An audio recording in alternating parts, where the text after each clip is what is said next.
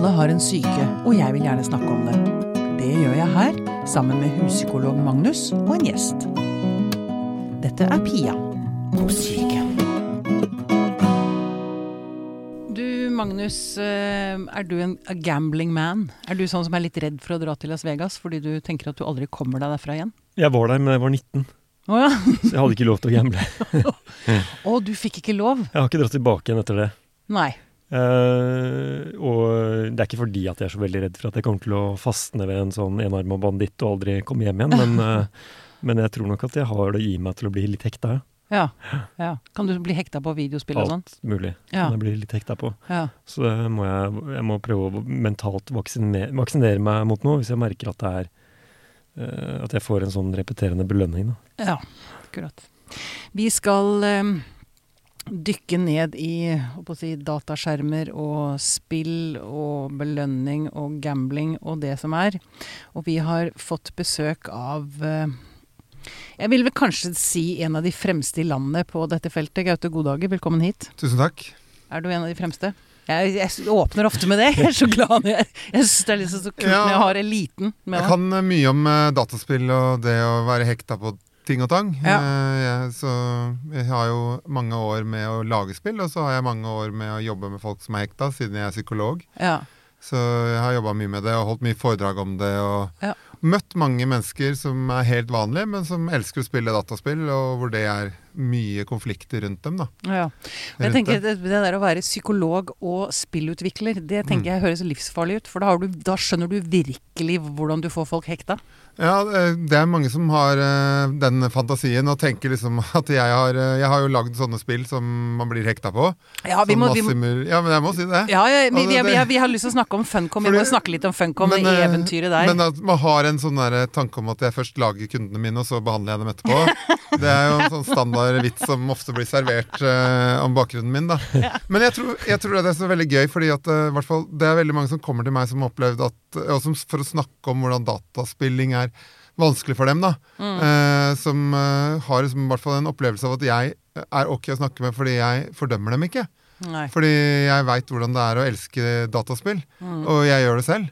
Mm. Eh, og da kan jeg på en måte klare å se at ok, men allikevel så kan det være vanskelig å leve med det som den spillinga har medført. da. Mm. Eh, så jeg kan se det fra to sider, for det er liksom en av utfordringene her hvis det blir mye konflikter. da. Eh, og det kan det jo bli, hvis du spiller veldig mye. Mm. Men du, jeg, vi må bare, jeg må avbryte deg litt. Grann, for vi, vi må høre litt om Funcom. Som jo var, jeg sa det i sted, et eventyr. Altså det var, tok jo helt fullstendig av. Ja, Det var jo ikke sånn det opplevdes på oss på, for oss på innsida. da. For Nei. oss var det bare massiv jobb. og det var jo sånn at Da jeg slutta der, så var det jo ikke liksom, jeg hadde ikke en følelse av seier eh, da jeg slutta. Jeg var en følelse av at dette var så vanskelig at jeg aldri kom til å få det til. Ja. Så, eh, men eh, jeg har sett utenfra, så kan jeg skjønne det. Det var jo kom på børs og hadde 100 ansatte da vi ga Mm. oss. og En omsetning på ja, Det husker jeg ikke. Nei. Men, men, dere, eh, det dere var hadde spillet. Age of Conan. Ja, var vel den store hiten. Ja, det var eh, solgte veldig bra. Mm. Eh, og, men det er jo spill som er lagd etter jeg slutta der, som har vært større suksesser. Så jeg slutta der i 2008. Ja. Eh, og det som jeg er mest stolt over, er jo å klare å være med å lage en bedrift da, eh, som blir kjent og som blir stor, og hvor det er mange ansatte som lærer masse. og, Mm. og sånn, Mens jeg ble jo aldri rik, liksom. Det var jo ikke derfor jeg drev med det. Så sånn, ut fra sånn økonomisk perspektiv så var det vel kanskje ikke noe heidundrende uh, suksess, men ut fra en sånn opplevelse for meg, så var det jo helt fantastisk. Ja. Og jeg er veldig stolt av det. Ja. Det er jeg. Det er gøy å ha vært med Ja, på. absolutt. Du har lang erfaring uh, i arbeid med barn, ungdom og voksne når det gjelder både gaming og avhengighet. Mm. Og du holder mye foredrag rundt skjermregulering. Mm. For barn og unge, fortrinnsvis for voksne, for foreldrene deres. Ja, for foreldre, for lærere, for folk som jobber i eh, jeg håper å si sånn helsestasjoner, eh, alt mulig sånn. Ja, Ja. ja. Og så skal vi snakke om skjerm, bare for å lage en liten skisse på episoden. Vi skal snakke om skjermavhengighet. Vi skal også snakke om altså spillavhengighet Mm. og gamblingavhengighet, som er to forskjellige ting, har jeg Mm. skjønt når Ja. jeg har googla deg. Mm. Um, først så har jeg lyst til å begynne med dette med avhengighet. Mm. Um, for er det noe disse aktørene som driver og serverer oss både spill og sosiale medier og TV-programmer, så er det dette Hvordan får de oss hekta? Mm. Og da skal jeg begynne med Magnus, faktisk. Dette med avhengighet. Eh, det, man kan jo bli avhengig av så mangt. Mm. Er det en spesiell type Dette går til dere begge. Er det en spesiell type personlighet som er lettere for å bli avhengig? Altså, jeg vet man, man diskuterer jo dette med alkoholisme. At det kan, det kan være i genene, faktisk. Akkurat som bipolaritet, liksom. At du har en medfødt sykdom. Men jeg vet ikke om man er helt enig om det. Men avhengighet, er det person Ligger det til personligheten, liksom, å bli mer avhengig? Jeg ville nesten la Gaute svare på det, for det tror Ja. jeg han eh, kan litt mer enn meg om. Ja. Uh, Ja, jeg kan jo For det første, La meg si sånn eh, veldig generelt at alle kan bli avhengig. Det er ikke, det er ikke sånn at å, der har vi den avhengighetstypen som blir sånn. Nei. Og sånn at uh, uh, For eksempel det med dataspill, da, for Mm. å ta det som et eksempel. Det man blir avhengig, der, avhengig av der, er stort sett uh, andre mennesker, altså det sosiale. Eh, Så du blir avhengig av å være et godt menneske. Det er stort sett det som gjør at du ikke klarer å regulere det. Andre folk er avhengig av deg, og du er avhengig av dem. Så- Fordi du sitter og spiller i et spiller virtuelt i et- univers. Yes, du spiller det- med andre mennesker, og det er det sosiale som trigger deg til å spille mye. Mm. Uh, og Men allikevel så er det litt forskjellig hva slags type stimuli som gjør det. Man vet at uh, de som blir avhengig av gambling, de blir ofte eh, ikke klarer å slutte å spille fordi de er så opptatt av å ikke tape. Sånn at du tenker at du blir veldig avhengig av å tjene masse penger og vinne masse, men det er veldig ofte eh, det er veldig lett å gå fra et rulettbord, hvis du tar den, eh, eller blackjack-bord, hvis du tar den eh, Las Vegas-tanken. Ja. Eh, hvis du tjener. Hvis du vinner, så er det lett å gå. Det er når du begynner å tape at du blir redd Mm. eh, for å tape mer. Så igjen er det, hvis du intervjuer dem, så er det sånn at de er redd for å komme hjem til de de er glad i og har spilt bort masse. Det er det som er grunnen til at de blir sittende og spille bort mer og mer og spiller seg fra gård og grunn, rett og slett. da. Igjen så er det sånn at man tenker det at det som gjør at man blir avhengig, er ofte helt vanlige mellommenneskelige mekanismer, men hvor det er visse trekk som går igjen hos de som kanskje blir lettere tent, og det er impulsivitet, vet man er eh, samvarierer med det og Ja. Mm. synes det er vanskelig. Mm. Um, og så altså det der å um, liksom slite med å planlegge. Og så er det sånn at å, jeg skulle kanskje ikke ha gjort det, men jeg blåser i det, så løper jeg av gårde og spiller litt mer allikevel. Ja. Så du blir impulsivt tent av det, da. Eh, også, litt manglende ansvarsfølelse? Nei, ja, men eh, Eller det- konsekvenstenking? ja, altså, det er mer, jeg tenker jo det er mer at det, det som eh, Det er ikke det nødvendigvis at du ikke har konsekvenstenking, men det er mer det at der og da så blir ikke det det bærende elementet som gjør at du velger det du velger. da. At det blir liksom tenningen og spenningen eh, vinner over konsekvenstenkingen din. Mm. Og så er det nettopp det der at du er opptatt av det å kjenne på spenning. Det er kanskje de to trekkene som man ser på gambling-sida, da. Mens på dataspillavhengighet så er det det å være særlig opptatt av andre mennesker. Og ikke ville skuffe dem, som er det vi ser forskningsmessig er det som hekter deg. Ja. Eh, og så kan du si det sånn at eh, det man ser på alkoholsiden, der er det en større arvbarhet. ja. Eh, at eh, det man ser at det går igjen litt, men selv der er ikke arvbarheten 50% Så det er en Som all menneskelig atferd, så er det en blanding av arv og miljø. Mm. Så det er hvordan du har vokst opp, og hva du har vært med på, og hva du har opplevd. Mm. Like mye som de disposisjonene du har. Mm. Og det man kanskje ser på, da, på alkohol, det er at det er kanskje de som, i, i tillegg til å være impulsive, de som ikke sliter så mye med hangover. Altså de som er mindre De som blir litt mindre dårlige dagen etter. eh, de eh, blir litt fortere motivert til å ta en ny runde. Mm. Så det er litt sånne Ja, ny runde med alkohol? Ja, ny eller- runde med alkohol, ja. Ikke sant. Ja, Ja. så, men, men, men det er konsekvens igjen. Da. Man, man får ikke konsekvensene, og da kan man måke på. Litt rann mindre, Mm. litt rann mindre. At det er, man finner det, men ikke sant? det er jo, all menneskelig atferd er jo så komplisert at eh, det å sånn, De enkle svarene er jo ofte de gale svarene. Ja, Så, sånn er selvfølgelig. Men det er jo, vi er jo ikke ute etter enkle svar her i Pia og psyken. Vi er ute etter å Grave litt. for, forsk, forske litt, undre oss litt Ja. rundt forskjellige fenomener. Ja. Du, For å trekke blikket litt ut Vi skal gå tilbake til enkeltindivider og behandlingen av dem etter hvert. Men um, hvis man ser på disse store uh, aktørene der ute som jo gjør det de kan for å få oss hekta. Alt fra Facebook og Google til spillutviklere til eh, i og for seg si, TV-produsenter. Podkastprodusenter, for den saks skyld. um, men de som er litt farlige, da. Jeg, tenker at, jeg opplever jo at Facebook og Google kanskje er de to farligste. Mm. De er liksom ute etter sånn verdensherredømme som jeg syns er litt skremmende. Kan du si noe om hva du ser eh, av, av oppførselen til, til disse, disse store gigantselskapene? Ja, altså Som bare ta, overtar mer og mer av livene våre på en eller annen måte. Og samler inn mer og mer informasjon og får mer og mer kontroll over tiden vår. Jeg ville jo tatt med Apple i lista di, da. Apple, selvfølgelig. selvfølgelig. Men eh, ja, altså Alphabet og Apple og Facebook og de store jeg Hva var det nye navnet på Facebook? Husker jeg ikke farten. Men det er store selskapene der. Eh, ja, så, det nye navnet til Facebook. ja, det er jo sånn Mega? Nei, Metaverse? Meta. Meta, meta, Meta. er det. Ja. Eh, men eh, ja, altså hva de gjør altså, for, Første så er det jo en tanke om at eh, de skal prøve å samle eh, veldig mange tjenester og, og deler av livet ditt på ett sted. Mm. At de skal forsøke å, liksom, å, å gjøre det sånn at hvis du er, liker én ting, så skal du bli frista til å gå inn i en annen, og frista til å gå inn i en tredje. Og så er det det at de skal kommersialisere det. Sånn at det er ikke sånn å gjøre verden bedre de er ute etter, men det er liksom hvordan de kan bruke informasjon om det du liker, det du gjør, til å tjene mer penger. Mm. Uh, og det er liksom det grove trekkene da et sånt multi-internasjonalt uh, selskap gjør. Og for å få til det, så samler de informasjon om atferden din så mye de kan.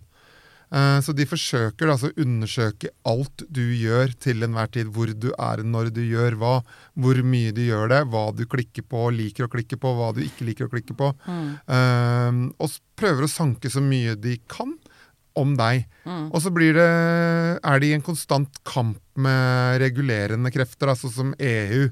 Er jo kanskje de som har regulert hardest hva de kan samle inn og hva de kan bry seg om. Mm. Men hvis du lurer på hva de vil, så er det veldig enkelt. De vil tjene penger. Det er veldig lett å skjønne, egentlig. De har liksom ikke noen annen agenda enn det. Jeg lurer på en liten sånn parentes der. Jeg lurer på om noen noensinne får nok.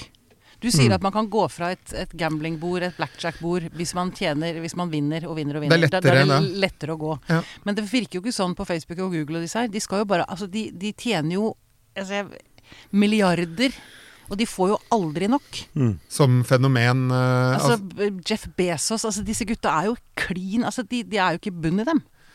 Det hadde vært gøy om de bare sa nei, vet du, jeg har tjent nok, jeg da. Jeg har nok penger jeg for å leve bra resten av livet. Nå Nei, kan noen andre overta. ja, det er jo no, altså, no, Det er jo eksempler på sånne kjempe, kjempestore rikinger som har gjort det. For eksempel eh, han som er grunnlegger for eh, Microsoft, uh, Bill Bill Gates. Han gjorde jo det at han plutselig sa nok er nok, nå trenger ikke jeg å gjøre det her noe mer, nå skal jeg bruke pengene mine til å gjøre verden bedre. Mm. Det henger, hender jo av og til, men det er nok i de menneskene som elsker det der, ikke for å bruke mye tid på dem, men eh, altså, det de elsker, er jo nettopp den der konkurransen Ja. med de andre. Ja. Det er jo å vinne over dem. The kill. Mm. Det er jo det de er hekta på. Ja. De ønsker jo den der eh, å være størst og være rikest og få til mest, men Mm. også den der at de har veldig veldig kjærlighet til det å bygge organisasjon og bygge bedrift. At de elsker det og se at de lykkes med noe. Mm. Ja. Og sånn som Nå har jo Jeff Bezos gått inn i uh, VR, og han har kjøpt seg opp i det Oculus. Og så skal han gjøre det om, og nå skal, og da liksom, nå skal han gjøre om på det, sånn at vi skal bruke VR veldig veldig mye mer. Og sitte med det og gjøre det tilgjengelig. Mm. Og da kan du se hvordan alt, hele liksom det Facebook drever med, da, hvordan det liksom formes rundt det at det skal bli VR skal bli en del av vår virkelighet. da. Mm. Hvordan han liksom skrur på alle de variablene han kan skru på for at eh, du skal liksom Du skal ende opp med Du skal få Oculus Quest 2 til jul i år. Det kommer du til å få, liksom. Med stor sannsynlighet så er, du, er det en vanlig pakke under, eh, under uh, juletreet. Ja. Og du kommer til å elske det, og fordi han tilrettelegger for det. Mm. Mm. Men, uh, men den måten han hekter altså Ta Facebook, da, den måten du blir hekta på i Facebook, er jo nettopp det der sosiale. Mm. Det de leter etter, er liksom hva, hva er det vi liker ved mennesker? Jo, vi liker å bli bekrefta. Mm. Hva er det vi liker? Jo, vi liker å være sammen om noe. Mm. Hva er det vi liker? Jo, vi liker å være likt. Mm. Vi liker å bli sett. Vi liker å føle oss som en del av noe større. Vi liker å påvirke. Ok, vi gjør dere i stand til å gjøre det. Hva er det vi misliker? Vi liker, misliker veldig sterkt å være på utsiden. Da gjør vi det veldig tydelig når du er på utsiden, hva du går glipp av. Vi hinter om at du går glipp av noe. Så som spiller på det mellommenneskelige hele tiden, og hva, hva Mm. vi er disponert til som sosiale dyr, da. Ja. Men så er det jo sånn, nå, nå skal jeg spille det over til Magnus litt, grann, eh, så er det jo sånn at vi blir jo eh, ikke nødvendigvis mer del av livet ved å sitte foran en skjerm. Nei, altså jeg sitter og tenker på det når jeg hører Gaute snakke her også, det at det jeg innledet med å si, det der eh, med at eh, jeg kjenner jo selv eh, igjen i meg selv at jeg kan bli hekta på ting. Mm, Altså jeg kan bli hekta på jobben også. Jeg Kan liksom plutselig tenke at det er veldig veldig viktig det jeg gjør. mm, Og så glemme andre ting og tenke at jeg må bare gi det næring. mm, Og det som jeg tror redder en del av oss, er at vi har et annet liv utenfor det virtuelle. Som maser på oss og sier at nå må du, nå må du faktisk hente i barnehagen. mm. Eller du må møte i, møte i et eh, selskap, eller vi trenger deg her og der og sånn. Så øhm, jeg tenker man er jo veldig sårbar hvis man, før man får etablert de tingene, Ja. blir sugd inn i en verden hvor man er avhengig av noe annet, og så får man ikke eh, etablert andre. Det tenker jeg på da med unge mennesker som Mm. blir sugd inn i dette før. For jeg tenker på en måte at jeg, eh, man skal jo være forsiktig med å spå og komme så dystre spådommer om fremtiden, men at eh, man har vært litt heldig da, og fått, fått leve en del av livet sitt Ikke sant? Vi, uten at den skjermen var så veldig et filter mellom oss. mm, det er jo veldig Jeg syns det er et, egentlig litt sånn et utfordrende eksperiment vi driver med nå. mm. Hvor vi på en måte skaper så mye del av livet vårt eh, virtuelt. Hva, er det vi, hva gjør det med oss? Vi vet vel ikke helt det nå. Nei, og vi vet ikke hva det gjør med de unge. Nei, som ikke har opplevd et liv Nei. eh, uten altså For det er som Magnus sier, vi i Nå vet ikke jeg hvor gammel du er, du er yngre enn 50. meg. 50? Ja, du er akkurat 51. ja, nettopp. Men du har også opplevd, ikke sant, du har også vokst opp eh, Du har vært barn uten skjerm. Mm. Det var Ja, du hadde TV, da. NRK, liksom. Altså vi fikk MTV var stort, liksom, men da var jeg jo ungdom. Mm. Var det var ikke det da den kom? Um, og vi har opplevd eh, det å leke med Altså ringe hjem altså, Ringe til bestevenninna for å avtale å møtes, liksom. Mm. Um, og det der å bare være ute i gata og treffe folk. Henge på hjørnet, ja. Henge på hjørnet. Mm. ja. Det er jo Det ser man jo lite av i dag. Ikke eh. sant? Ja, jeg tenkte jeg skulle si også det at uh, vi vet ikke hva slags eksperiment det er. Men også, bare for bare balanse også, det er jo ikke farlig å bli hekta på noe. eh, I utgangspunktet. Vi snakker som om det er veldig skummelt, men det å være hekta på ting er jo noe vi har gjort i alle tider. Mm. Eh, og vi gjør jo altså eh, vi, Og vi bruker jo liksom jeg er avhengig Vi sier, vi bruker jo det som begrep om at jeg er avhengig av å trene. Mm. Jeg er avhengig av Game of Thrones neste episode. Altså Det er jo masse vi er avhengig av. Og det der å være besatt av noe, altså super opptatt av noe Særlig vi menn er jo veldig Kan bli ganske nerdete på ting, ja, ja. altså bare se på sånn Jeg brygger øl, liksom. Eh, og der, når du hører noen av de andre som driver brygger øl, så er det sånn derre De liksom Det er mer renslig på Folkehelseinstituttet, altså. Og det er nettopp det der at du får lov å nerde ordentlig om hobbyene dine. At vi menn driver med det. Ja. Nerder ekstremt mye om hobbyene våre, så mye vi kan. Eh, eller hekta på eh, Liverpool eh, neste Nei, kamp, ikke sant. faktisk akkurat det der er jeg litt misunnelig på. Jeg savner egentlig Ikke det med Liverpool, det er jo Ikke Liverpool. grusomt. Ikke, ikke Liverpool. Det måtte For vært en forferdelig U. Da. fotballklubb. Ja. Nei, men, men jeg tenker på det, det er jo en fordel å kunne være hekta på noe, men så er det jo i dagens samfunn så er det jo veldig, veldig tydelig at det ikke er en fordel å være gutt. Eh, Ikke er en fordel å være mann. Det er jo Mm. veldig tydelig at de egenskapene man trenger, er jo mye mer det der å kunne med mye enklere, med letthet ta til seg det sosiale og være Mm. flere steder og multitaske litt mer. Mm. Selv om kanskje multitasking er en illusjon, så er det litt lettere, virker det som, eh, å task-switche, da, for å bruke det begrepet. Ja. Jeg jeg tenker på, på eh, akkurat det du sier der. Eh, For vi, vi beveger jo oss inn i Det er jo dette her med oppmerksomhetsøkonomien. Mm. Og eh, som blir litt sånn allstedsnærværende Mm. eh, fenomen. At eh, det konkurreres om oppmerksomheten vår med stadig mer avanserte virkemidler. Litt sånn krigsmetaforer kan man nesten bruke om Ja, det. ja, ja. Og så tenker jeg jo da den der du sier med at impulsivitet er forbundet med avhengighet. Mm. Eh, at vi mer og mer går i retning da et samfunn som ikke nødvendigvis favoriserer kreativitet og lekenhet, intelligens og en del egenskaper, men eh, rett og slett skal man, komme, skal man komme seg gjennom dette, her, så må man ha veldig veldig kraftig impulskontroll Mm. og evne til å utsette belønning Mm. for å kunne legge planer og sånne ting. Og det merker jeg jo også i stadig større grad. At hvis du, hvis du evner det, Mm. Så får du jo vært veldig mye mer produktiv enn de som sitter fastnet i et eller annet, en eller annen algoritme et eller annet sted. Og, Ja, og det, er- og det er jo ikke noe tvil om at uh, vi At forskning viser ganske tydelig at vi får uh, gradvis lavere evne til vedvarende eh, konsentrasjon. Ja. Som et resultat av eh, den skjermaktiviteten vi driver med. da. Mm. Fordi som, eh, Jeg liker egentlig ikke liksom å si at det er Facebook, eller det er dataspill, eller det er eh, YouTube, eller det er Netflix. altså Det er jo det vi gjør i skjermen da, som hindrer oss i å på en måte bestemme selv. Det er jo det det handler om, at det er vanskelig for oss å bestemme selv. Og jeg spår eh, at eh, innen det har gått la oss si 20 år, så kommer eh, det være mye mye kraftigere regulering på skjermbruk for særlig barn. Mm. Det er ingen forskning som viser at barn under tre år har nytte av skjerm. Eh, og der kommer mer og mer forskning som viser at det kan være skadelig for dem. Det kan være konsentrasjon, det kan være språkutvikling, det kan være mange Mm. andre ting. Mm. Uh, men poenget er at nå er det overlagt til de sta overlatt til de stakkars foreldrene. Å løpe etter ungene sine. Altså, jeg sitter og tenker på hva drev foreldrene mine med. Fordi jeg syns ikke jeg gjør noe annet. Jeg er pappa til tre sønner. Nå er de 19, 14, nei, 15 og 12. Men jeg syns det eneste jeg gjør, er å drive og løpe etter å sette grenser for hvor mye For skjerm de kan bruke. Mm. Og så jeg lurer på hva drev foreldrene mine med. Og jeg tror at rett og slett at vi kommer til å trenge regulering hvor det sier at denne skjermen her, den kan du på to år ikke bruke, og denne skjermen her, på, den kan du på fem år bruke i en time. Igjen, Det tror jeg helt sikker på. Det kommer fra nasjonalt og overnasjonalt. Ja. Mm. Fordi det er så vanskelig for foreldrene å styre og regulere. Dette er kjempevanskelig. Mm. Men det er jo, dette har vi jo sagt før, bl.a. i episoden med Lena Lindgren, hvor vi snakket om ekko. Ja. Det er jo en grunn til at disse gutta i Silicon Valley nekter barna sine Ja. iPader og iPhoner. Mm. Og datamaskiner. Altså, ikke sant? Det er, det er, de, altså, de vet jo at dette ikke er bra.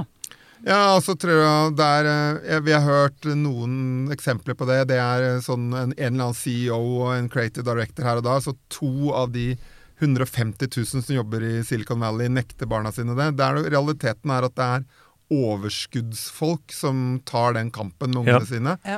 Eh, og det er akkurat like sannsynlig som at du gjør det, som at du tar med ungene dine ut i skogen og bor i en hytte, liksom. Mm. Det er, de aller fleste har mer enn nok til å være en ok forelder i verden sånn som den er i dag. Ja. Og vi trenger støtte av regulering fra stat og overstatlige ting Mm. for å hjelpe oss regulere disse skjermene. Det å tro at vi skal bære det alene som foreldre, det er litt naivt, altså. Mm. Det er akkurat som å si sånn her Å, jeg setter en bolle med godteri midt på bordet, og så sier jeg til foreldrene Nå må du lære ungene dine opp å ikke småspise av den før du kommer hjem. Mm. Eh, hvis ikke så er du en dårlig oppdrager, altså. Hvis ikke Ja, klarer ikke å få dem til å la være å ta den godterien Ja. eh, som Mm. står der, fristende midt på bordet. Det Ja. går ikke. Nei. Men du, jeg tenker også på Du sa i sted at eh, de er jo også veldig flinke til å ikke sant? De, de finner ut av når du, når du er på nett, hva du ser på, hva du klikker på, hva du går inn på. Mm. Og så, de, så gir de deg mer av det samme. Dette betyr vel også at vi blir tjukkere i huet? Har jo så tjukkere hus som mindre smarte og intelligente. Og, Nei, altså mindre, mindre opplyste, da. Altså vi, vi går inn i et, et trangere og trangere og trangere rom. Dette er, vel, det er jo ekkokammeret som man snakker om. Altså Én ting er at man da bare får speilet sine egne meninger tilbake, liksom. Ja. Du får bare bekreftet at du har rett. Men også dette at du får ikke tilgang til Jeg husker at jeg syns jo det var helt nydelig med Facebook til å begynne med. Da jeg meldte meg inn jeg husker ikke når 2006 eller noe var. Det var jo så gøy fordi folk la ut så mange interessante artikler og morsomme ting og altså, ikke sant? Men, mens nå så er det akkurat som jeg får bare det samme igjen og igjen og igjen. Jeg tror at eh, eh, alt som vi altså, Som alt annet, så det som kommer til å skje, det er at vi skiller tydeligere mellom de som har god utdanning og de som ikke Ja. har det. Mm. Uh, sånn Men det er et demokratisk problem. Det Ja, ja, det, det vil alltid være. Og det vil Mm. være et, ut, en, et samfunnsutfordring. Så du vil få veldig tydelig sånn i, i samfunn som har dårligere grunnutdanning, Mm. dårligere vaksinering mot den slags. Mm. For eksempel eh, ja, kan jo godt si USA, da. Det er jo et godt eksempel. Så vil du få mye mer segregering. Altså du vil mye Mm. tydeligere skille, mye mer tydelig eh, ytre, Ytterpunktene kommer mye tydeligere fram, da. Mm. Mm. Og du blir mindre interessert i å lære det. Men samtidig så vet vi fra forskning i Norge at eh, unge mennesker er mer kildekritiske enn eldre mennesker.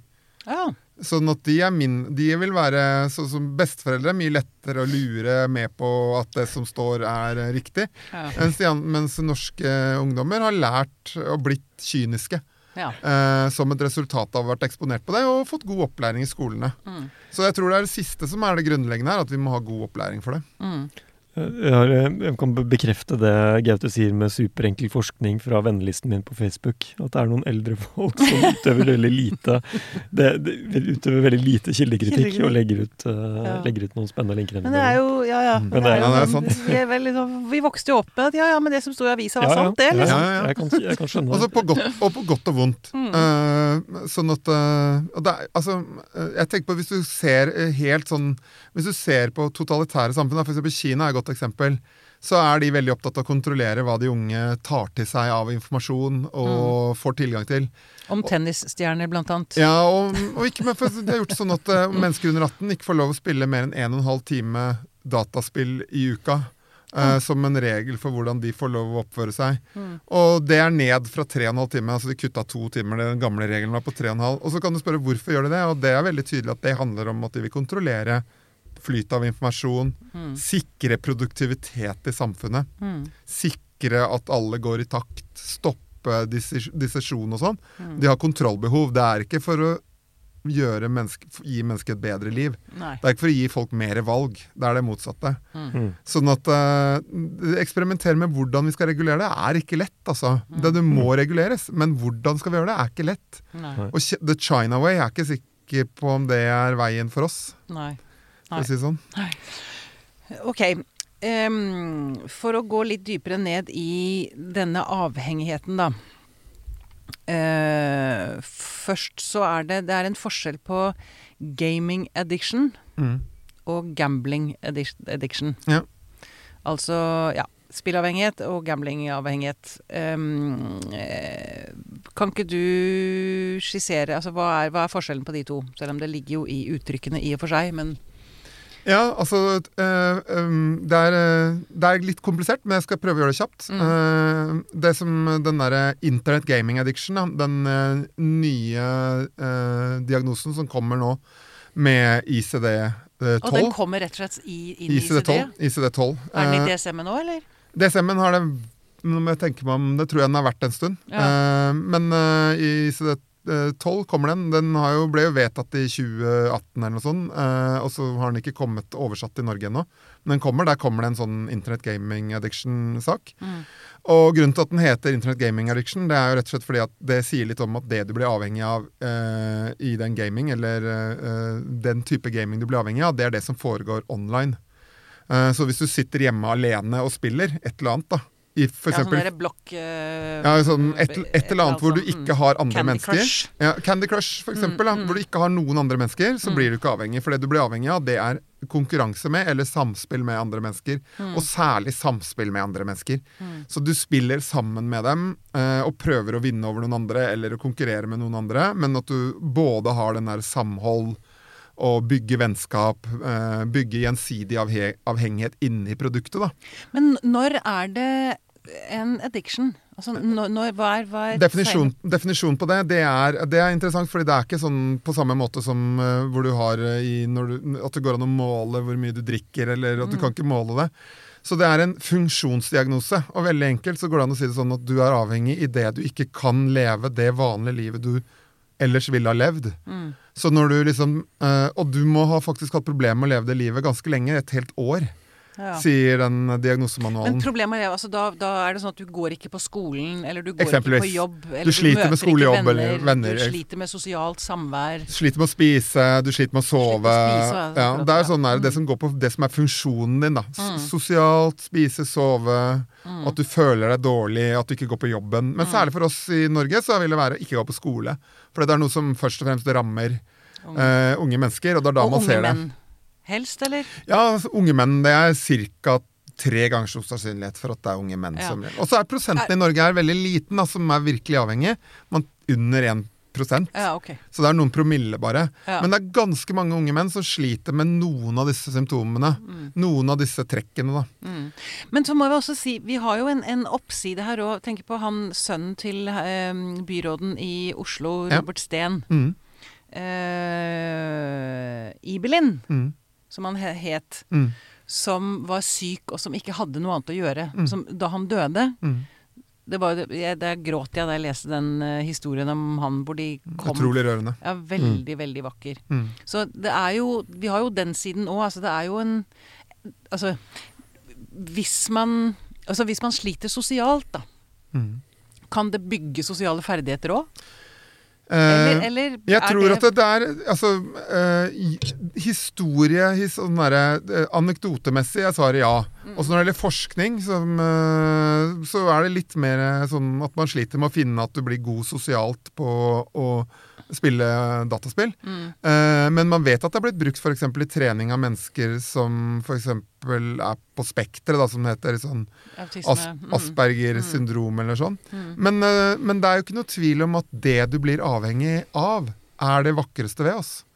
Din lojalitet Ja, til sant. andre mennesker, det, det at du har lyst til å bygge fellesskap og vennskap, Mm. at du har lyst å ikke være Altså, Kan du tenke deg hvis du spiller fotball, og du står i mål, Mm. og far din sier 'nå skal du komme og spise middag', Mm. og så sier du 'men jeg kan ikke gå ut av fotballmålet akkurat nå'. Og så kommer far din ned og sier 'jo, du skal, nå drar jeg deg ut av fotballmålet', og så river jeg fotballmålet over ende, nå skal du spise. Mm. Og Det er jo det som skjer hvis du spiller World of Warcraft og faren din napper internettledningen. Ikke sant. Ikke sant? For da ødelegger du, da dreper han indirekte de 20 andre som du er på raid sammen med. De dør når du forsvinner fra det målet. Og det er jo derfor de blir rasende, og det er derfor det blir konflikter. Fordi ditt barn elsker vennene sine og har lyst til å støtte dem og hjelpe dem. Men det er ikke det samme som at du ikke er hekta. Du kan allikevel være hekta. Åh, det blir, jeg er så fortvilt òg at de, de utnytter det vakreste i oss. Nå ser jeg Mm. bort på Magnus. Ja, det Altså, jeg, jeg blir, det er jo Det er jo Ja. Det er jo veldig fint at man får kjenne på de følelsene, men det hadde jo vært fint å få gjort det IRL også. Mm. Mm. Jeg jeg tenker på litt av det du sier med, med at man blir avhengig av det sosiale. Mm. Fordi når det gjelder dataspill, så er det jo ikke Jeg tenker på min egen sønn, han spiller eh, noen spill. Eh, og så tenker jeg at det er forskjell jeg, da, på noen av disse spillene han spiller, hvor han eh, Noen av de så er det veldig sånn repeterende og veldig sånn belønnende uten noe særlig mål og mening, føler jeg. At han sitter At det er sånn som man blir veldig lett hekta på. Mm. Mens andre spill, f.eks. et spill som heter Selda, som er veldig komplisert for han, så er det veldig mye frustrasjon. Det er veldig belønnende ved at det er veldig vakkert rent sånn grafisk og sånn. Men så er det mer, eh, mer frustrasjon og krevende å, å nå målene i oppgavene. Og Mm. da spiller han jo alene, ikke sant. Da Mm. spiller du uten venner. Mm. Eh, hva tenker du om eh, den type eh, spilling? Ja, det er et godt eksempel, fordi um, ut fra den der funksjonsdefinisjonen da, som jeg gjorde av avhengighet, så er det sånn at um, hvis du går til sønnen din og sier Hva heter sønnen din, forresten? Øyvind, heter. Øyvind. Kjære Øyvind, kan ikke du skru av med spillet om en kvarter? Da skal vi spise middag. Mm. Og han spiller Selda. Så vil han si sånn åh. Og så når du da går inn og sier sånn, nå må du skru av, jeg sa ifra i stad. Så sier han ok, sett på pause, og så saver han. Og så går han og spiser middag. Men hvis han hadde spilt f.eks. World of Warcraft, så hadde han sagt sånn Vet du hva, jeg kan pip, ikke skru av nå, din pip. Fordi jeg har faktisk 30 minutter igjen av raidet. Mm. Og da ville du tenkt åh, nå er han avhengig. Mm. Nå er han avhengig nå. Fordi han lar seg ikke regulere av deg. Eh, til å si 'nå er nok er nok', fordi han er mer lojal mot vennene sine enn han er mot deg. ikke sant? Eh, og Derfor er det særlig det når du kommer i ungdomsåra at du ser at dette problemet er der. For da er jo naturlig pappa og mamma mindre viktig enn det de er når du er fem år eller syv år eller sånt noe. Mm. Eh, sånn at det er forskjellen nettopp i det der at det er eh, vanskelig å regulere tid. At det blir veldig tydelig at du ikke kan regulere tid. At du må liksom forplikte deg til store biter av gangen. da. Istedenfor å liksom ta en liten bit, og så legge bort, og så en liten bit, og så legge bort. Mm. Og man vet jo det at det er mye vanskeligere å regulere eh, opplevelsen ved å stoppe å spille. Hvis du har spilt kontinuerlig, la oss si fem timer. Mm. Da føler du mye større smerte, du er mye mer sliten i hodet. Du klarer mye dårligere å regulere følelsene dine. altså du klarer å, Alt du er sinna det bare slipper rett ut med en gang, og du Mm. skriker og hyler og kanskje kaster noe veggimellom og sånn. Og hvis du hadde Mm. spilt i fem minutter, så hadde ikke det vært noe problem. For da hadde du hatt kraft og overskudd, Mm. eh, og liksom ikke vært så opptatt av det. da. Mm. Så det er nettopp det der å klare å det, med, Jeg pleier å, når jeg, De unge jeg jobber med, så pleier jeg å si at du må, på en eller annen måte så må det gå fra å være livet ditt til å bli en hobby. Mm. Og hva vil det si at det er en hobby? Jo, det er noe du holder litt lettere. Ja. Så du ikke holder det så hardt. Du knuger det ikke. Mm. Og når du holder det lettere, da betyr det at du kan lettere legge det bort og lettere plukke det opp. Mm. Og det er en sånn fin metafor for hvordan uh, du skal ha ditt For å utvikle det som heter digital selvreguleringskompetanse. Som er veldig fint ord, da, men det er liksom den evnen til å holde det digitale lett. Ja. Det er det du, man trenger som voksen. Men du Gaute, hva, hva, hva slags råd vil du komme med til foreldre? Jeg vet jo at det er eh, foreldre der ute med, med fortrinnsvis sønner, da, Mm. som sliter med akkurat det der. Det er gaming, gaming, gaming. Det er bare det som gjelder, liksom. Mm. Hva, hva, hva tenker du de skal gjøre? Nei, altså, eh, for det første, det, eh, Utgangspunktet for enhver regulering av eh, andre mennesker, dvs. Si særlig barna dine, Mm. det er at du regulerer med kjærlighet og interesse, og ikke med sinne og frustrasjon og uh, frykt. Mm. Så det første ville jeg gjort, det ville satt meg inn i og bygd eh, relasjon rundt spillinga. For du kan ikke mislike spill uten samtidig å mislike barna ditt hvis barnet ditt er veldig opptatt av spill. Mm. Hvis barnet ditt elsker fotball, bare har lyst til å dra på fotballkamp, har uh, Liverpool Sorry, jeg hørte at det ikke var tipp topp her, men uh, Jeg, jeg, jeg, Men- men Liverpool, eh, Liverpool-drakt som man sover med hver kveld, og Liverpool på veggen. Og så sier du som pappa Vet du hva, jeg kan ikke en dritt om fotball. Og jeg hater fotball. Skjønner ikke hvorfor idioter driver og løper etter den pip lærkula hele tida. Mm. Da, det du sier der Jeg bryr meg ikke om deg, Ja, sier du da. Fordi Og det er den største interessen. Det er den, det du Mm. gjør, og det du elsker, som er den du er. Mm. Og sånn er det for barn og ungdom som elsker dataspill også. Mm. At det er det de er. Du kan ikke komme dem i møte uten å være interessert i det, og like det litt. Mm. Du kan ikke si 'jeg skjønner ikke en dritt av det dataspillet', 'jeg syns det er bortkasta tid', 'jeg er bare tøys'. Så det må du starte med. Du må starte med å interessere deg for det og like det. Og det gjør de aller fleste foreldre. De er gode på det. Sånn var det ikke for 10 år siden eller 20 år siden når jeg begynte å jobbe med det. Da var det frykt og hat mye mer enn det er i dag. Mm. Og så når det er gjort, så må du begynne å snakke om grenser og, og regler på et tidspunkt som ikke er seint på kvelden etter de har spilt i fem timer. Mm. Ta et eh, sånn der, foreldreråd eller et familieråd på søndag klokka to, Mm. og så drøfte hva er reglene. Mm. Er dataspill greit å gjøre før man har gjort leksene? Ja eller nei? Mm. Og så må du se an hvem er barnet ditt. Er barnet ditt en gutt som gjør alle lekser, drar på alle treninger, har masse venner han flyr på, eh, flyr med, eh, holder på med masse alt mulig, og så spiller en god del? Da er det kanskje ikke så mye å stresse med som hvis barnet ditt har ADHD, eh, har dysleksi, sliter, gidder ikke gjøre lekser fordi det er så slitsomt og vanskelig. Mm. Sliter sosialt. Sliter sosialt, Mm. sliter med søvn. Mm. Da må du regulere hardere. Da trenger de mer hjelp for å regulere hvor mye tid de bruker. Mm. Og da er det mer kamp og konflikt, antageligvis også. Ja. Men da er det viktig at de reglene er tydelige og forutsigbare. Og, eh, og så vil jeg si sånn, som barn flest, ikke prøv å være tøffest i klassen, og ikke prøv å være mest liberal i klassen. Hør hva de andre foreldrene i klassen driver med, sånn Mm. cirka. Prøv å sette litt regler som stemmer sånn passe, Ja. sånn at ikke det blir at du må slåss med hele skolen i Mm. tillegg, da. Det sliter barn veldig mye med, å bli rare. Ja. Så det er mitt råd. Ja. Mine råd. Vi kunne sagt mye mer enn det òg, men det syns jeg er et bra Det er en bra, bra, bra start, i hvert fall. Ja. Velkommen til Kjemperådet! Vi har fått inn et kjempekleint problem fra Trine Lure 22. Okay. Jeg leser De to andre i kollektivet mitt har begynt å date, og jeg syns det er veldig kleint når vi skal se på TV sammen, og de bare skal kline. Ok, ja, Yes. Hvordan skal hun løse dette? Siden Trine Lure er under 30, får hun jo ubegrenset data fra Telenor fra 399 kroner. Da Da kan hun sette seg på sitt eget rom, streame så mye hun vil på mobilen. Ja, Hun kan jo se på nye mobilabonnement på telenor.no. Ja, det er lurt. Men vi, vi skal litt ut fra Jeg spurte deg om hva som er forskjellen på gaming addiction og gambling addiction. Ja, jeg hadde tenkt å svare på det, men det er helt ok å skjære litt rundt. Altså, Ja, jeg ja, jeg, tenker eh, Jeg sier eh, gaming, da er det sosiale. Gambling, så tenker man mer at det starter som en sånn eh, At du får litt sånn lykkerus av å vinne, Mm. og så mister du kontroll over det fordi du er redd for å tape. Og det kalles, 'chasing the loser'. Det begrepet. Ja. Som man, hvordan man forklarer gambling. da. Mm. Så altså, du kommer inn på Las Vegas med 100 dollar, Magnus, og så spiller du og vinner 50. Da er det lett å gå. Da bruker du de 50 for å kjøpe deg en fin middag.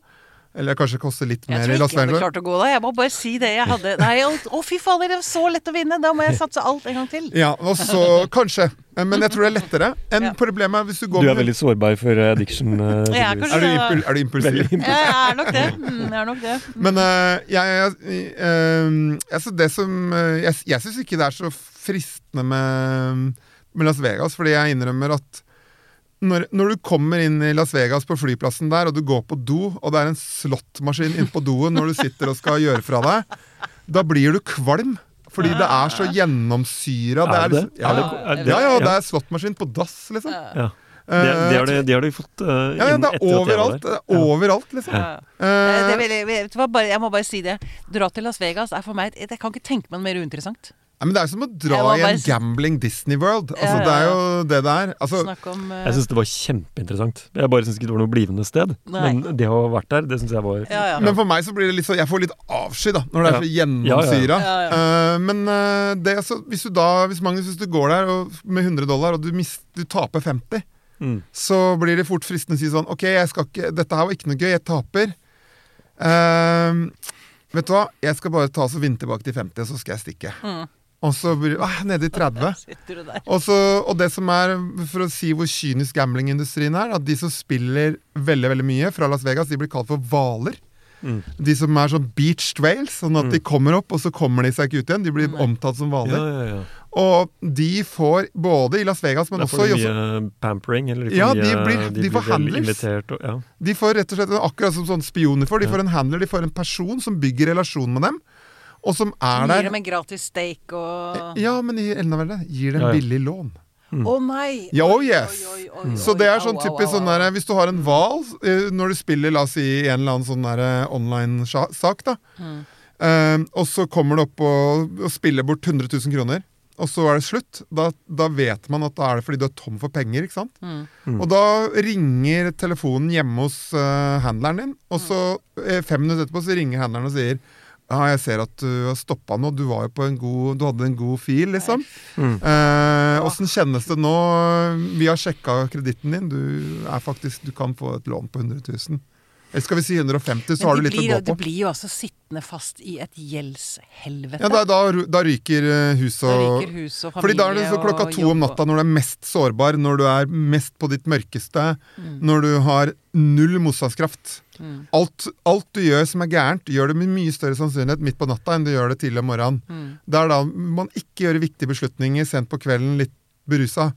Selv om det gjør vi alle. Hvordan, når er det vi skaffer oss partnere, f.eks.? Det er jo Jo, jo, Viktig livsvalg. Du kan, du kan avvise dem dagen etter. Det Ja, kan det du kan ikke med du opp halvparten Jeg tror du har overbevist uh, oss, Gaute, om at hvis vi må velge mellom å bli gamblingavhengig eller dataspillavhengig, så blir du kanskje dataspillavhengig. Men så skal jeg, skal jeg gjøre det litt mer komplisert. Ja. Både gamblingindustrien og uh, spillindustrien uh, flørter med hverandre. Ja. Gamblingindustrien ønsker de samme type mekanismene, pling og plong og story og relasjon og kule bilder og, og sånn innpakningen til gaminga. Og gamingen vil gjerne ha litt gambling òg, for de vet at det er så fin måte inni spillet å få penger ut av folk. Mm. Så de har disse lootboxene, som er jo bare ren gambling. Men, men det er liksom Begge deler ønsker i sitt ønske har lootbox. ønske lootbox? Ja. En lootbox er inni eksempel um, en uh, et, La oss si et, uh, et for, La oss si Fortnite Jeg husker ikke om Fortnite har det, jeg, men la oss si en av disse Fortnite eller First Person Shooterne, da. Så kan du få deg skins som du kan kle på deg, som gjør at du ser kulere ut. Og så kan du få bedre, kulere utseende våpen, og så kan du få noe artige ting. da. Og de selger de enten for en ganske høy pris, eller så kan du få det tilfeldig inni en boks som inneholder Akkurat som sånn der, sånn som når du kjøper en sånn derre eh, Sånn der lykkeboks fra, eh, fra en sånn der importsjappe eller sånn der. Du vet ikke helt som er der. Det er Rask som er igjen i hyllene, som du får, og så får du én kul ting. Men det er akkurat samme prinsippet som er i fotballkort. Når du kjøper fotballkort, så vet du at kort så er det sjanse for at det er 1 sjanse for å få Messi, Og så får du liksom eh, 30 dårlige Døla-spillere. Liverpool-spillere. Liverpool-spillere, for eksempel. Eh, og da kjøper du mange flere fotballkort, da, fordi du vet ikke hva du får. Og det er en form for gambling som uh, de lef lefler med i spillindustrien. Og, og da er det sånn der at du er fort gjort du har lyst til å få Du har lyst til å få Messi, da. Så du kjøper mange fotballkortstabler. Og det vet vi jo at det gjør folk. Uh, hun har alltid gjort det til alle tider. Så det er ikke sånn eh, svart-hvitt, eh, men det glir inn i hverandre. Eh, og det er liksom Det er viktig at vi passer på og regulerer det, og at vi ikke Og da når jeg sier regulering, så mener jeg igjen ikke bare foreldrene som skal gå over og ta alle kranglene. Nei, du får ikke lov å bruke alle pengene dine på mm, å kjøpe lootboxes i Fortnite. Du må bruke noe av pengene dine på å spare til en ny sykkel. Det er den ene siden. Men så er det også den andre siden at det har ha lootbox burde gi 18-årsgrense på spillet, f.eks. Mm. Så at det er en del sånne mekanismer som gjør at Å ja, nå kaller vi det gambling. Og da hvis det er gambling, så blir det forbudt i Tyskland. Og da blir det, da blir det ikke noe av. Det er veldig enkelt. Du har ikke lyst til å lage spill som ingen i Tyskland får lov å spille. Så vi vet at sånn, over, sånn nasjonal regulering det virker for å regulere dette. Altså. Mm. Det er jo veldig godt nytt, da. Ja. Ja. Hvor, hvor, eh, si, hvor mange gamblere har vi i Norge? Oi! Den statistikken den husker ikke jeg i hodet, ass, men det er mange. Det er mange. Det er mange. Det er et uh, betydelig problem. Det er flere prosent Ja. som uh, sliter med dette. ja. Det, ja. For jeg vet, jeg vet også at du reagerer på reklame for Lotto. Ja. Jeg, har, uh, jeg syns at det er utfordrende og at Eller det er, jo, det er jo på samme måte som vi regulerer dette med statlige organer, fordi vi vet at folk vil ha det, og vi vet at folk vil forsyne seg veldig mye av det. Men det er jo f.eks. ikke alkoholreklame i Norge. Ehm, og vi regulerer det med Vinmonopolet. Så hvorfor er det da lottoreklame som idylliserer det hvor koselig det er å vinne 100 000 kroner?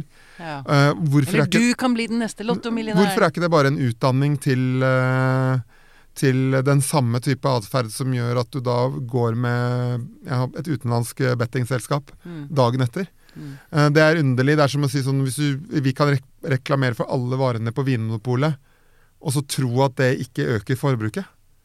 Og er det virkelig det vi ønsker å gjøre? At vi ønsker å øke statlig regulert eh, gambling? For meg så er eh, det er mye bedre med, med, med Norsk Lotto enn med de internasjonale selskapene. Men det er en vei inn. Men det er en vei inn. Og så er det sånn, er det sånn at eh, det er lyk lykken i livet, liksom? Eller er det en skatt? Det vi vet, at det er en skatt for de svake. Det blir brukt til, mm, blir brukt til Det er liksom de fattigste og de med lavest utdanning som betaler for eh, idrettslaget Mon i Montebello, liksom. Ja. Det er sånn uh, Lotto funker i dag. Ja. Og så sier de sånn Ja, men det er en del av hverdagsgleden, liksom. Ja, ok, men da må vi i hvert fall tette de høla som gjør at ikke Discovery fyller ni, liksom, akkurat 50 av reklamene sine med internasjonale gamblingselskaper. Vi må tette de hullene som gjør at det blir bare Lotto igjen. da. Så kanskje de ikke trenger å reklamere så mye på det for å liksom konkurrere med det internasjonale. Så det er, det er noe sånn lovgivning, noe feig lov... Jeg mener at det er noe sånn Det er ingenting som tyder på at vi ikke burde bare forby den lovgivningen, og forfølge de som formidler Nei, forby den reklamevirksomheten for internasjonal uh, gambling, og forfølge de som driver distribuerer den. Det burde vi bare kjøre på med. Flere land har gjort det, og må lykkes. Ja. Men hvis man da er lider av spilleavhengighet eller gambling, Mm. eh, hva er eh, Hvor vanskelig er det å bli kvitt det? Eh, de aller fleste, nesten uavhengig av hva du lider av avhengighet av, om det er dataspill, alkohol, heroin eh, eh, De klarer å slutte av seg selv. Ja. Eh, det er en sånn ganske høy eh, Det som kalles for natural recovery.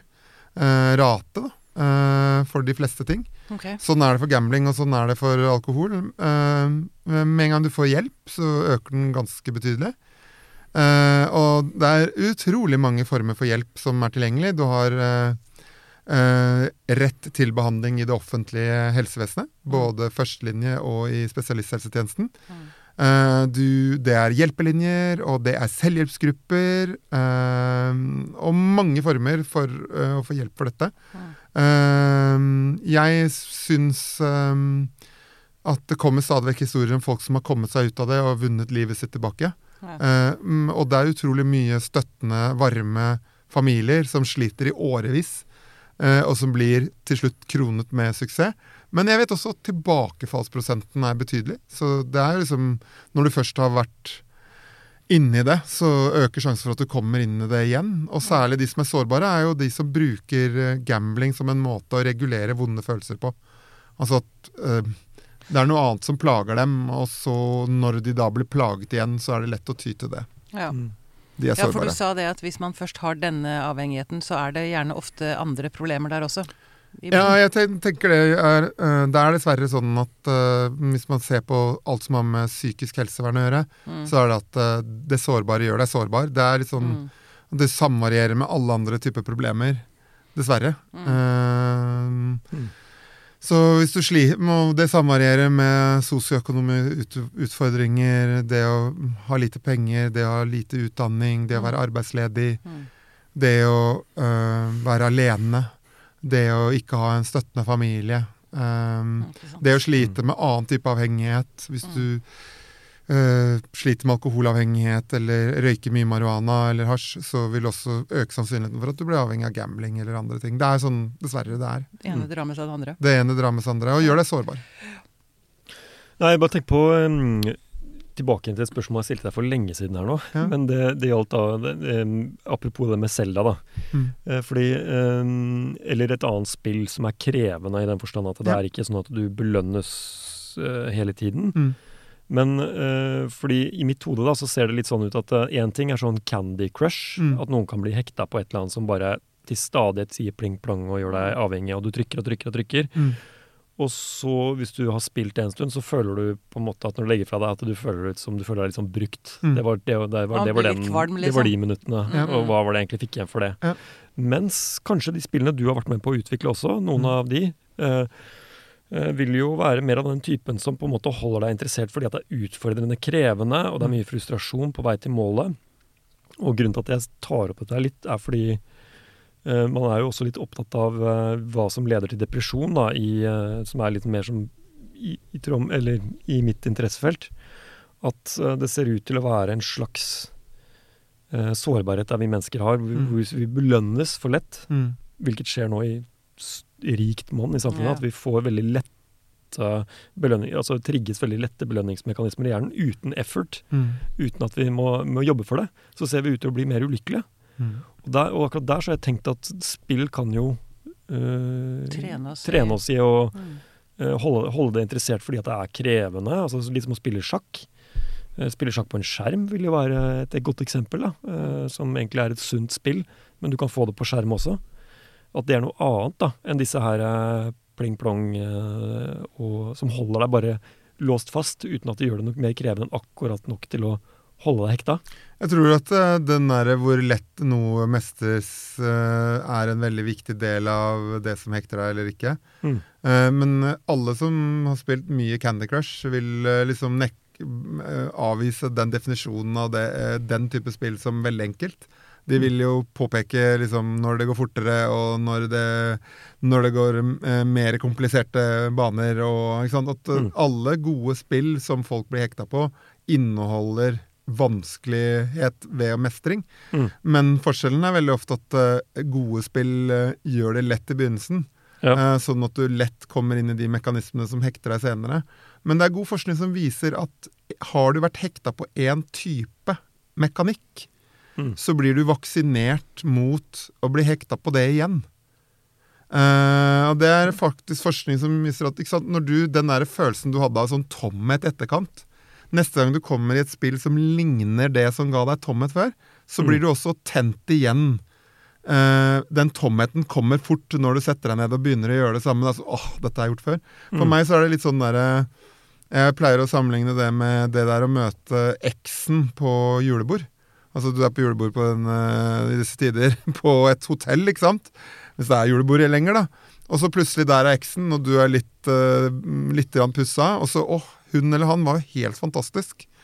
Det er det første du sier. ikke sant? 'Å, hva, hva har jeg, ga jeg glipp av det her?' Er jo, nå kan det bli farlig. Mm. Og så ganske fort så kommer det en 'Å ja, det var det jeg var lei'.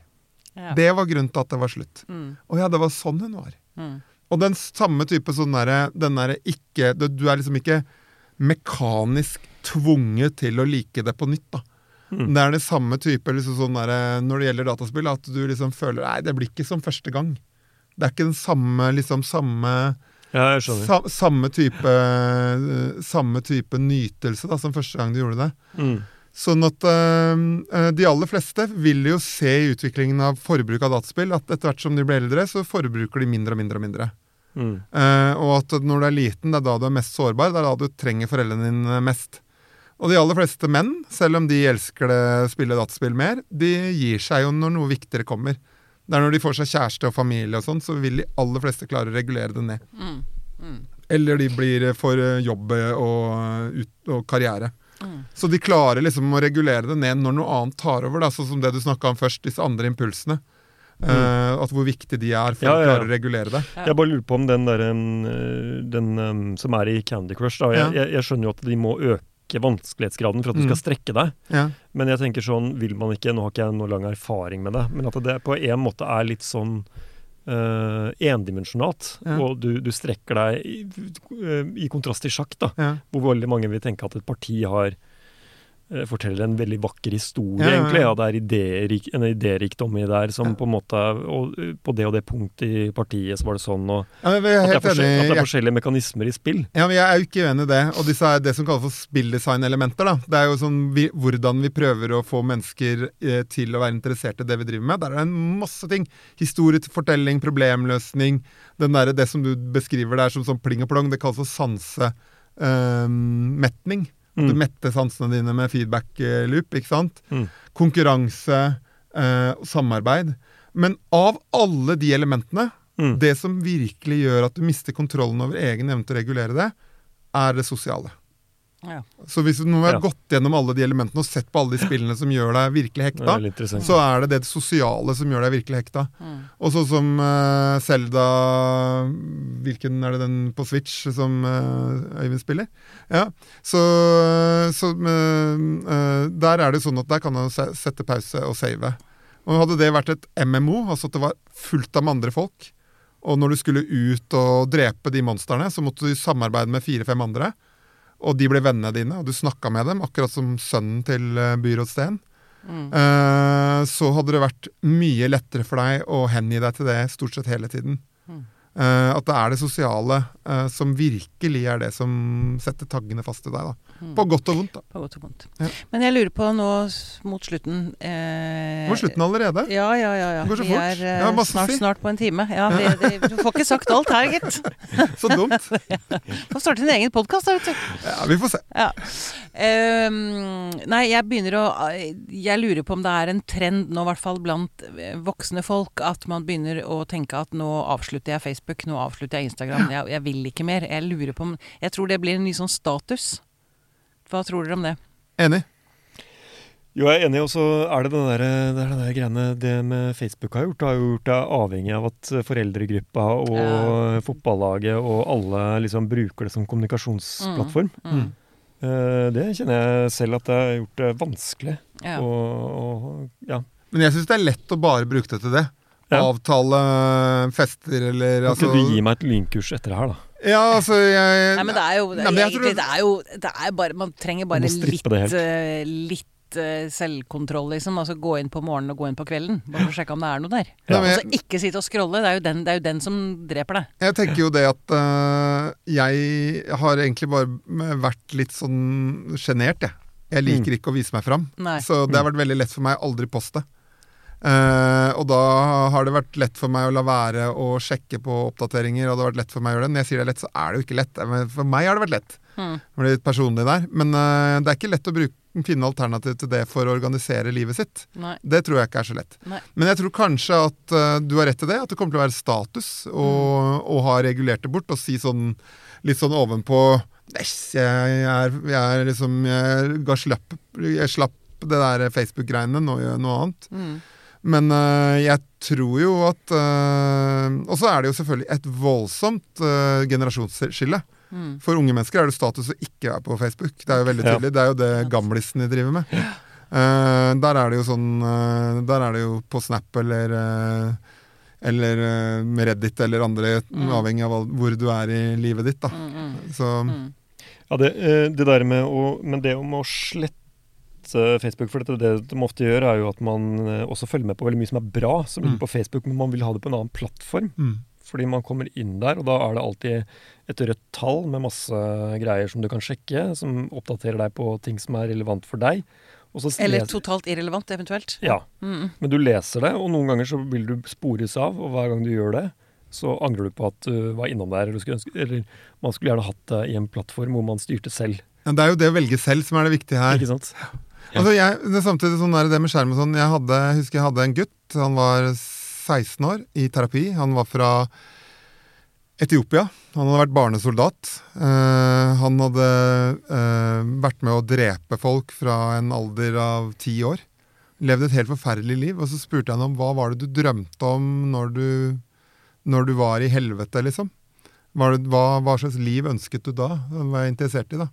Så sa han det jeg drømte om, det var å bo i et trygt land og spille PlayStation. Ja. Eh, og så bare si noe om det at det er mange av de tingene som vi snakker om her som veldig negativt, også det å underholde seg og kaste bort tiden og sånn, Mm. som faktisk er tegn på at vi lever i trygge og gode samfunn. Ja, er og, og som, eh, ja, og som i seg sjøl ikke nødvendigvis er farlig. Nei. Det som er farlig, det er å ikke bestemme selv.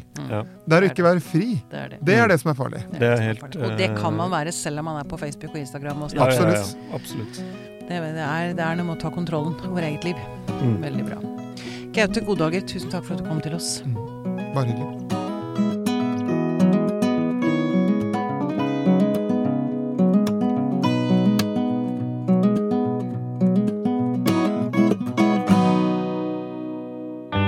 Denne podkasten er produsert av Tid og lyst.